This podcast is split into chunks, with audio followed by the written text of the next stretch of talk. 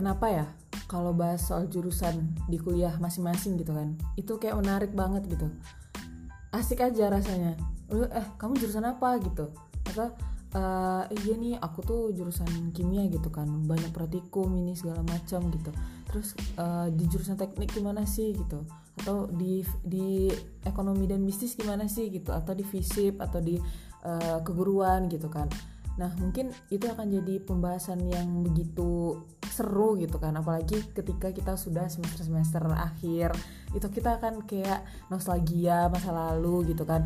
Ih aku dulu tuh masuk kuliah tuh kayaknya gak kerasa aja sekarang udah semester ini gitu semester paling akhir gitu kan istilahnya udah tingkat akhir gitu tingkat keempat. Nah kita tuh pasti udah beda-beda tuh cara masuk kuliahnya dan pengalaman yang kita rasain pasti beda-beda gitu kan. Ada yang eh, PBUD jalurnya mungkin kan yang anak-anak Riau nih terus habis itu ada yang namanya SNMPTN SBMPTN gitu. Memang sih sistemnya berubah-ubah dari tahun ke tahun tuh berubah gitu kan. Dari zaman bahola 90-an sampai sekarang itu nggak ada yang tetap. Paling namanya namanya mirip-mirip sih. Intinya seleksi masuk perguruan tinggi negeri. Tapi ya beda-beda gitu. Sistemnya juga diberu- berubah. Eh, kadang beda eh, menterinya beda lagi kayak gitu kan. Nah kalau aku sih pengen cerita aja gitu kan. Kadang kalau orang nanya eh, apalagi di- misalnya kita balik kampung gitu ya ada yang nanya eh eh, anaknya jurusan apa bu? Gitu kan. Terus eh, jurusan kimia gitu kan. Terus ih kok bisa masuk kimia? Gitu. Terus aku tuh kayak gimana ya eh, mereka mungkin mikir masuk kimia tuh susah gitu kan. Tapi aku waktu awal kuliah apalagi ya waktu masuk kimia tuh ya Allah aku tuh nggak pengen loh masuk kimia gitu. Aku tuh nggak pengen sama sekali gitu. Aku nggak suka kimia sama sekali gitu kan. Dan gimana ya mungkin ya banyak yang nggak percaya gitu kan. Waktu SMA nilai kimia aku tuh bener-bener kacau lah istilahnya kayak gitu kan. Ada yang bahkan nilai kimia aku tuh 10, 20 dari 100 jadi itu makanya orang banyak nggak percaya gitu kalau aku gak mungkin nggak mungkin nih Reza nggak suka kimia gitu kan. Lah juga eh, apa sih namanya tuh nggak juga apa nilai nggak juga jelek-jelek amat kok. Banyak sih yang kayak bilang eh, alah sosok nggak bisa padahal bisa gitu kan. Mereka nggak tahu aja sih ceritaku kenapa bisa dapet gitu kan. Apalagi tuh gimana ya tapi ya aku salut sih sama orang-orang yang juga lulus SNMPTN gitu kan. Memang waktu itu kalau anak Riau kan anak Riau kan wajar aja gitu kan. Mereka pasti pilih SNMPTN dan juga ambil PBUD gitu kan. Karena rata-rata kan anak Riau pasti memanfaatkan peluang PBUD kan. Nah PBUD itu kan kayak pengembangan bibit unggul daerah gitu kan. Nah jadi pasti untuk jaga-jaga kalau SNMPTN gak lolos gitu. Dan aku waktu itu saking sombongnya nauzubillah ya Allah terus aku memang eh, aku nggak mau ambil PBUD gitu. Aku nggak mau di Undri gitu kan. Dan memang memang waktu itu aku merasa kayak aku sombong banget gitu. Kayak ya Allah kenapa ya aku tuh kayak gitu gitu kan. Dan SNMPTN aku nggak ada ambil Undri sama sekali. Ketika teman-teman aku di pilihan ketiga ngambil Undri dan aku nggak mau. Terus akhirnya akhirnya setelah semuanya dilewati dan tidak ada yang lolos gitu. Terus dan ngerasnya aku gitu. Aku nggak mau ikut ujian mandiri pokoknya. Selain utul dan sima UI nggak mau ikut ujian mandiri apa pun selain dua itu. Karena aku cuma percaya dua itu yang selevel sama SBMPTN sama SNMPTN kalau lolos gitu kan. Eh, gimana ya? Kita kan nggak apa sih namanya tuh nggak bisa memprediksi yang mandiri masuk kuliah uangnya berapa. Nah mandiri itu kan beda gitu. Tapi kalau si mau dan utul kita bisa lihat eh, mana yang kita mau ambil kelasnya. Kalau kelas reguler kan kita nggak bayar masuknya kalau jebol kalau paralel ya bayar kayak gitu kan. Nah di situ aku kayak eh, gimana ya gitu kan. Terus SBMPTN orang tua aku udah marah udah kayak kamu jangan ngeyel lagi gitu kan. Pokoknya pilihan ketiga ambil unri. Kalau nggak lolos nanti gimana gitu kan. Terus ya udah aku ambil unri gitu. Dan akhirnya memang sepertinya ditakdirkan unri dan kimia gitu kan nah jadi aku tuh mau cerita tentang eh, apa ya aku kasih judul cerita ini ketika aku dan kimia menjadi kita gitu kan. Jadi tuh aku tuh pernah bilang gini kimia tuh banyak hafalan semuanya harus dihafal gitu. Mereka pikir otak kita dipakai cuma buat ngafal-ngafal rumus kimia apa gitu. Jumlah muatan ion sistem periodik yang isinya banyak banget itu. Kalau ada yang orang kalau ada orang yang ngafal ini ini kurang kerjaan banget itu kurang lebih keluhan aku dulu di semester 1 waktu masih jadi maba. Ya kalian tahu kan maba kadang pikirannya agak sumpek gimana gitu. Kacamatanya itu masih kacamata kuda. Pokoknya dia yang paling bener dah. Gila ketemu senior sih takut juga gitu kan. Tapi percaya atau nggak percaya bukan cuma aku yang ngeluh kayak gitu. Rata-rata begitu walau nggak semua gitu kan. Nah lihat aja teman-teman kalian. Apalagi mahasiswa salah jurusan. Ya gue waktu tuh nganggap diri aku tuh salah jurusan gitu. Terus di semester 1 cerita mereka tuh pasti nggak lepas dari tiga hal. Yang pertama cerita kegagalan mereka untuk masuk ke jurusan dan PTN yang mereka inginkan. Terus untuk pejuang SBM itu sangat gimana gitu. Jadi itu tuh cerita yang paling membekas gitu. Terus yang kedua cerita tentang susahnya kuliah di kimia. Praktikum yang mengerikan dan mata kuliah yang susah banget untuk dipahami. Terus yang ketiga pasti cerita gimana kalau misalnya semester 1 aja IP-nya udah anjlok? Nah itu gimana? Itu yang semester 1 paling di berdebar-debar gitu kan. Sabar banget itu. Dan itu emang fakta sih seberapa besar pun kalian menghindar dari masalah itu itu akan terus ada gitu kan. Apalagi untuk yang merasa salah jurusan gitu. Aku bukan termasuk mereka-mereka yang awalnya ingin kuliah sebenarnya di kimia ini gitu di jurusan ini. Apalagi sampai betah gitu itu nggak pernah kepikiran di semester satu dulu. Gimana enggak gitu. Dari semua mata kuliah yang aku suka bukan maksudnya dari semua mata kuliah yang aku suka tuh cuma dua gitu. Matematika dan bahasa Inggris waktu semester satu. Terus banyak yang nanya loh kenapa? Kan kamu anak kimia. Nah bingung kan? Ya kayak aku bilang tadi kayak gitu. Gimana ya? Dan mata kuliah kimia itu sangat banyak banget pemahaman yang harus dikuasai. Ya aku tahu matematika dan bahasa Inggris sangat membantu untuk aku menempuh kuliah di sini tapi yang mau gimana lagi ya? Aku bener-bener gak suka kimia sejak SMA aku gak suka praktikum. Aku gak suka ngitung jumlah mol dalam mililiter air. Aku gak suka yang namanya rumus-rumus kimia dan segala hal yang menceritakan tentang kimia. Pokoknya no. Kalian tahu hal yang paling mengerikan dalam hidup suatu awal di kimia? Yaitu praktikum. Ya Allah rasanya itu dulu mikir ya Allah kenapa ya ambil jurusan ini? Kenapa nggak jujur aja sih gitu ke ortu. Kalau memang takut ya namanya praktikum gitu kan. Kenapa sih harus dipaksain? Kalau udah kayak gini mau nyalain siapa coba gitu kan. Jadi susah sendiri.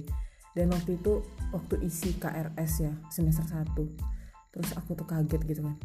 Ada tulisan di situ praktikum kimia dasar 1 ya Allah aku tuh rasanya kayak ya Allah ini apa gitu kan? Rasanya tuh kayak nano-nano gitu.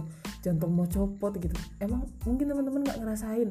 Tapi bagi aku sendiri aku tuh orang yang paling nggak suka loh yang namanya praktikum. Dan gimana ya? Paling nggak mau lah yang namanya praktek-praktek kayak gituan gitu kan. Kayak aku tuh kayak makhluk makhluk makhluk makhluk laptop gitu. Jadi aku tuh lebih suka kayak pacaran sama laptop gitu dibanding aku harus pacaran sama gelas-gelas kimia terus zat-zatnya dan segala macamnya gitu kan. Nah oke. Okay. hal kedua yang paling bikin aku drop itu adalah ketika dosen di kelas bilang kayak gini. Nah ini yang masuk kimia pasti karena emang mau kimia kan? Siapa nih yang olimpiade kimia di sini? Terus aku cuma diem aja kan karena aku olimpiade fisika jadi aku bingung gitu. Terus dosennya lanjut bilang gitu ya jadi pelajaran-pelajaran yang masih ada hubungannya sama SMA nggak perlu lah ya kita ulang lagi. Kita lanjut aja ya materinya. Kalian udah paham kan pasti. Terus aku langsung mm, ya pak. Ya makasih makasih gitu kan. Terus aku suasana makin parah makin parah gitu kan. Aku nggak ngerti dosen yang ngejelasin apa gitu. Dikasih tugas juga nggak tahu itu apa pokoknya ya udah pasrah gitu. Terus pertanyaannya gitu kan. Kenapa masih bisa bertahan? Katanya nggak suka perasaan yang diceritain cuma bagian gak enaknya gitu. Jadi kimia itu sebenarnya nggak recommended ya buat jurusan pilihan. Berarti nggak guna dong orang-orang masuk kimia. Nah oke okay, aku jawab gini. Kenapa pertama kenapa aku bertahan? Nah dari yang udah aku ceritain di atas gitu kan. Sebenarnya semuanya tuh kayak menakutkan gitu. Tapi sebenarnya itu hanya sebagian kecil sih yang aku rasain di kimia. Hanya sekitar 20% lah gitu kan ya berarti sebenarnya ada 75% lebih aku ngerasain hal-hal yang gak pernah aku rasain sebelumnya gitu. Aku ngerasain banyak hal-hal yang baru yang mungkin gak aku dapet di jurusan lain atau bahkan di universitas lain. Aku ngerasa kayak setelah aku ngejalanin walau sebenarnya dengan niat yang hampir gak sampai 50% tapi tetap kerasa sih ada perubahan. Ya perubahan itu gak harus dilihat dari hal-hal yang nilainya besar gitu kayak prestasi yang mengharumkan nama kampus atau yang sejenisnya dari hal kecil aja dulu. Misalnya dari disiplin tepat waktu manajemen waktu menghargai orang lain peduli sama orang belajar untuk menghindar nggak menghindar dari masalah. Terus masih banyak banget yang lain gitu kan. Mungkin kalian mikir kayak gini. Um, sebenarnya itu pengalaman yang bisa ada juga sih di tempat lain gitu kan. Nah tapi gimana ya? Ada satu quote gitu kan. Quote anak-anak kimia gitulah. Nah uh, kurang apa kurang apa lagi sih anak kimia gitu? Titrasi aja ditungguin apalagi apa nungguinnya harus sabar gitu kan apalagi nunggu kamu ya. Itu tuh kayak gimana ya quote anak-anak kimia gitulah gitu kan.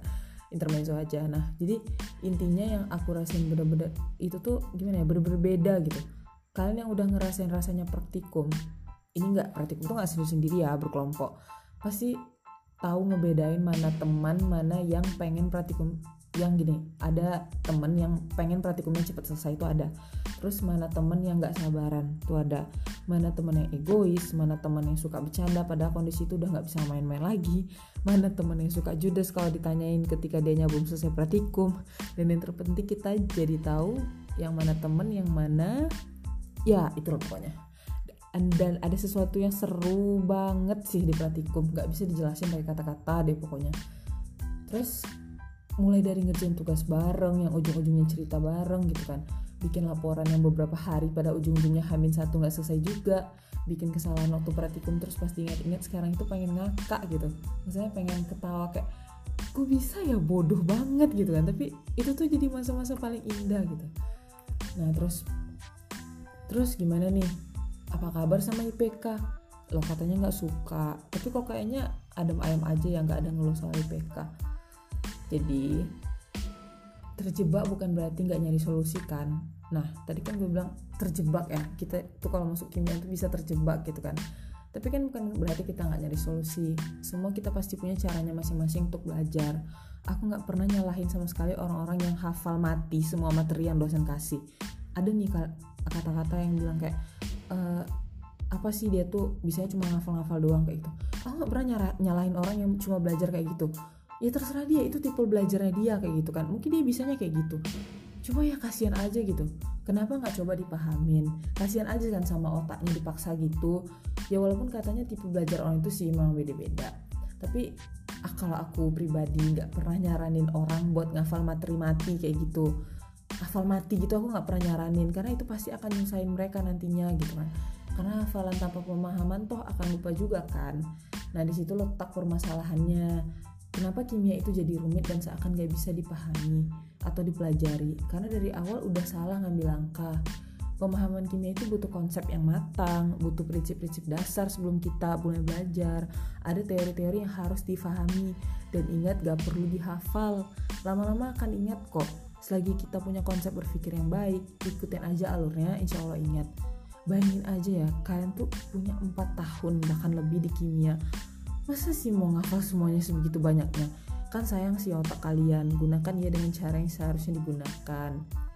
Nah, internet ada kan, tinggal klik aja YouTube www.youtube.com atau mau yang Inggrisnya www.youtube.com gitu kan. Cari aja di sana semua materi kimia yang kalian pengen pelajari. Udah nggak zaman sih lagi ngeluh soal dosen aku kasih materi nggak jelas kami nggak ngerti dan lain sebagainya. Kalian bisa lihat dosen-dosen di seluruh dunia loh dari YouTube. Mulai dari yang bahasa Indonesia mulai dari bahasa Inggris Jerman Korea dan lain-lain semuanya ada. Kalau aku rekomend dosen India yang pakai bahasa Inggris. Serius itu kalian nontonnya ya dijamin kalian tuh belajar makin terhibur dan gak membosankan. Kalian bayangin aja logat orang India gimana. Nah pakai bahasa Inggris. Nah kayak gitu. Jadi tuh kalian kayak belajar tuh seru gitu. Jadi sampai ketawa-ketawa gitu rasanya gitu kan. Terus ya jadi menurut aku cukup lah anak apa sih? Cukup aja aku gitu. Aku dulu sebagai anak kimia yang sering ngeluh kalian jangan gitu. Coba buka kacamata kuda kalian dunia nggak sesempit yang kalian pikirin jangan mudah telan kata-kata orang lain yang cuma bisa nakut-nakutin kalian. Cari orang-orang yang bisa diajak diskusi bisa diajak kerjasama karena kalau sendiri itu nggak seru gitu. Oke nah nanti selanjutnya mungkin teman-teman uh, di podcast yang selanjutnya gitu kan dari Reza kita bisa nih uh, bahas-bahas gitu mengenai problematika yang ada di kimia di jurusan kimia sendiri. Nah, mungkin karena konsep uh, mungkin karena podcast ini terbatas di listening ya nggak terbatas di YouTube. Jadi mungkin doa doakan aja teman-teman biar Reza bisa juga posting uh, tentang pembelajaran kimia di YouTube gitu. Tapi teman-teman nggak usah khawatir sih kalau materi kimia. Itu banyak banget di YouTube. Itu ada materi dari dosen-dosen ITB itu banyak banget gitu. Ketik aja kimia dasar ITB itu keluar kimia dasar 1 dan kimia dasar 2 nah menurut aku teman-teman kalau misalnya nggak paham kimia teman-teman itu pahami dasar pahami dasar dulu jangan langsung yang susah. Aku jujur aku jujur aku sendiri aku orang gak sabaran. Aku baru belajar kimia dasar satu aku udah nyoba belajar ikatan kimia yang ikut tuh tiga tiga. Sebenarnya salah sih cuma aku penasaran banget apa lanjutannya gitu. Jadi aku belum paham banget konsepnya. Aku udah lompat ke atas gitu. Sebenarnya itu nggak boleh. Dan sekarang ya risikonya aku aku memang sering harus review kayak gitu kan. Ingat-ingat lagi kayak gitu. Dan cara paling cepat belajar itu ya nyatat teman-teman jujur jangan ikutin langkah Reza gitu. Reza itu catatannya amburadul. Sebenarnya bukan amburadul sih tulisannya nggak bagus sebenarnya tapi di catatan Reza itu ada gitu tapi nggak bisa dikasih ke orang karena cuma bisa paham sendiri. Nah mungkin eh, Reza lebih bisa ngejelain ngejelasin dengan cara ini speaking gitu kan.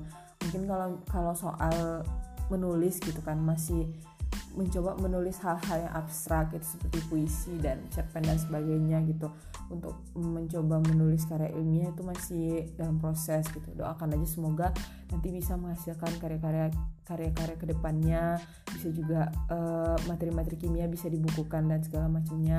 Jadi teman-teman nggak nggak harus takut lagi sama kimia.